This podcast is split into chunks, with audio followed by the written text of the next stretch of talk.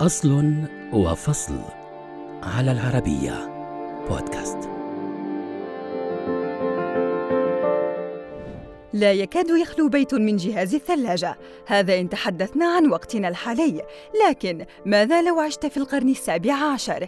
حينها سيتحتم عليك زيارة بائع الثلج ليقص لك بمنشاره الخاص قطعا تتناسب مع احتياجاتك. ثم تعود إلى المنزل لتضعها في صندوق خشبي مخصص لتحفظ فيه طعامك خلال الفصول الدافئة. هذا الصندوق كان التمهيد البدائي لاختراع الثلاجة، ذلك العنصر الذي لم يعد بالإمكان استثناؤه. بدأت فكرة حفظ الطعام بالتبريد منذ القدم، فكان الفراعنة يتركون الطعام بالخارج ليلاً ليحفظوه، فيما استخدم العبرانيون واليونانيون والرومان الثلج الذي يوضع في أماكن التخزين، وكانوا يخزنونه في الكهوف والتجاويف العميقة، ثم يغطونها بالورق والقش لعزلها عن الطقس في الخارج. اعتبرت هذه البيوت أول ثلاجات في التاريخ وكانت تسمى نيفيير. في بداية القرن السابع عشر انتشر شكل آخر من أشكال الثلاجات البدائية وهي خزائن خشبية مبطنة بالقصدير أو الزنك حيث يمكنها أن تحفظ الثلج والطعام بداخلها لمدد قصيرة.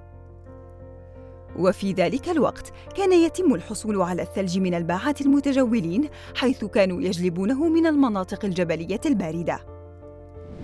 حتى ذلك الوقت بقيت فكرة الحفاظ على التبريد هي السائدة. حتى جاء العالم الإسكتلندي ويليام كولين بفكرة صنع التبريد وذلك في عام 1748 عندما اكتشف أن تبخر السوائل يمكن أن يسحب من حرارة البيئة المحيطة ورغم أن كولين لم يتقدم بفكرته لكن اكتشافه مهد الطريق لمن بعده.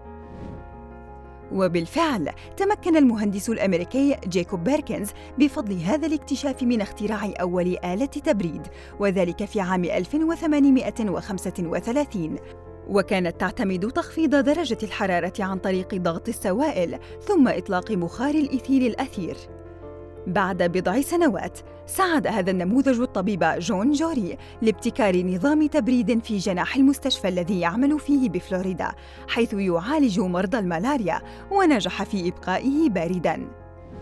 النقلة النوعية في تطوير الثلاجة البدائية جاءت بإمضاء الأمريكي فريد دبليو وولف حيث عمل خلال الفترة بين عامي 1913 و 1915 على إنتاج أول ثلاجة منزلية كهربائية وبيع منها أكثر من مليون ثلاجة.